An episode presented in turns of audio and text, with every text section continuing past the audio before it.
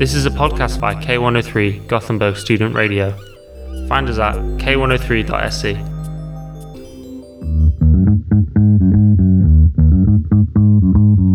Det onormala normala med Mia Svensson.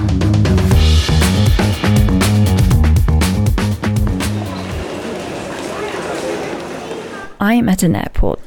Where I'm off to doesn't really matter because we're actually going to stay somewhere nearby. More specifically, on the airplane. Is there really any other place other than this metal box where we're squeezed in between strangers for this long? Way too long. At first glance, you might think that there's not much to discuss here. Most people are reading a book or listening to music, nothing too fancy. And yes, that might be true, but as you know by this point, there is always a lot going on in my mind. It doesn't really matter where I am. Do you remember the episode about making eye contact with strangers on the street? Boarding an airplane is exactly the same, but a thousand times worse. Now that I think of it, this is probably how I imagined that the entrance to heaven would look. Well, until it turns out to be hell instead.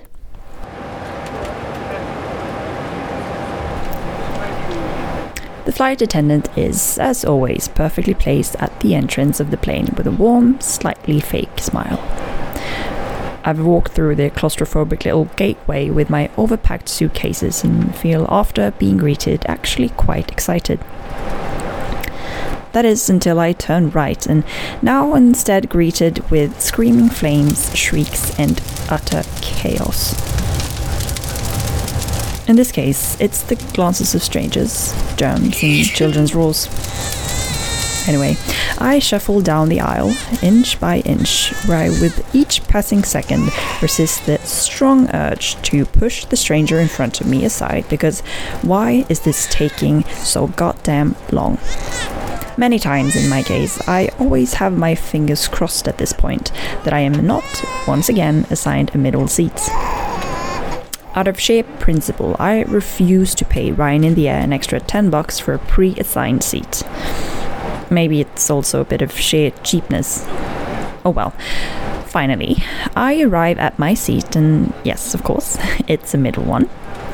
Now I'm thinking that I would just prefer to squat down and sit in the aisle, just to avoid having to ask the stranger next to me to get up so that I can squeeze into my seat. Since I want to avoid being a burden for longer than two seconds, I rush onto my seat. And as soon as my butt hit the rock hard chair, I realized that it would have been quite nice to remove one of the 3,000 layers I'm wearing. You see, my bag, which was already too big in its original form, broke on the way here. So it was a bit challenging to fit in even more warm sweaters. The plan was to toss them in the overhead bin before I sat down. But as you can tell, that was kind of forgotten in all the hassle and bustle. And I'm obviously not going to ask the stranger to get up again. No, I will suffer. That was up until I realized that I also left my book up there. I gather all the courage that I've got left in my body and ask the stranger to get up. Just kidding. Who do you think I am? By this point, you probably know. Well, the real crisis hits when I need to use the restroom a couple of hours in. You can decide for yourself whether or not I took that fight. Everyone seems to have boarded the plane, and I see empty seats everywhere. Now I feel even more provoked by the fact that I was assigned a seat I didn't want, but very easily could have chose for myself. But switching seats is not an option. I feel, apart from the embarrassment of asking the stranger to stand up, somewhat obliged to stay faithful to my neighbors. I don't want to accidentally hurt their feelings by switching seats. So, since I'm actually on a plane, I decide to take the bird's eye view approach. There's war. People are starving. People are dying. I can probably endure sitting in the seat for a few hours.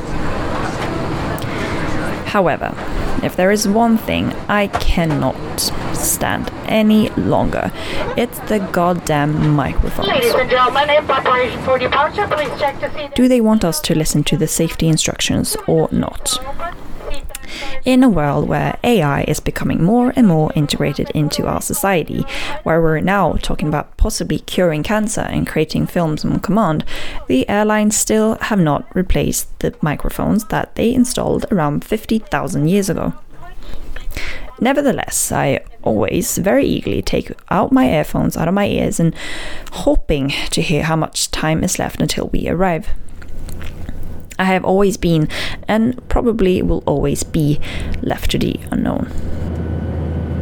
Snack cards. Yes. Even though I know I won't get any free snacks, I sit overly excited with half open eyes. Maybe they're in a good mood today and will give out at least a little pretzel or something. There's always a very thorough analysis of whether or not they actually stop at each road to distribute snacks or if they're just really slow. Unfortunately, the latter option turns out to be true, just as I suspected. The rest of the journey was uneventful. Eventually, I had to use the restroom, of course. I got thirsty and was envious of the guy next to me who had water. I went through every app on my phone that worked in airplane mode, which was basically the photo and health app. We landed as smoothly as we could. Unfortunately, no applause.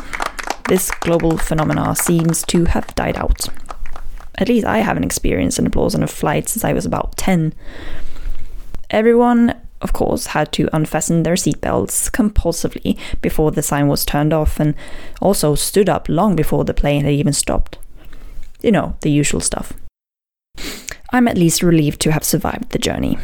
Although I'm very much aware of that it's much riskier to drive a car or even just to walk around than to fly, I always do a little victory dance as I walk out of the metal box after arriving at the platform. Well, perhaps only with half of my soul left, but at least with my whole life intact. Du har lyssnat på Det onormala normala med mig Mia Svensson. Har du någon fråga eller åsikt? Följ podden på Instagram, Det onormala normala.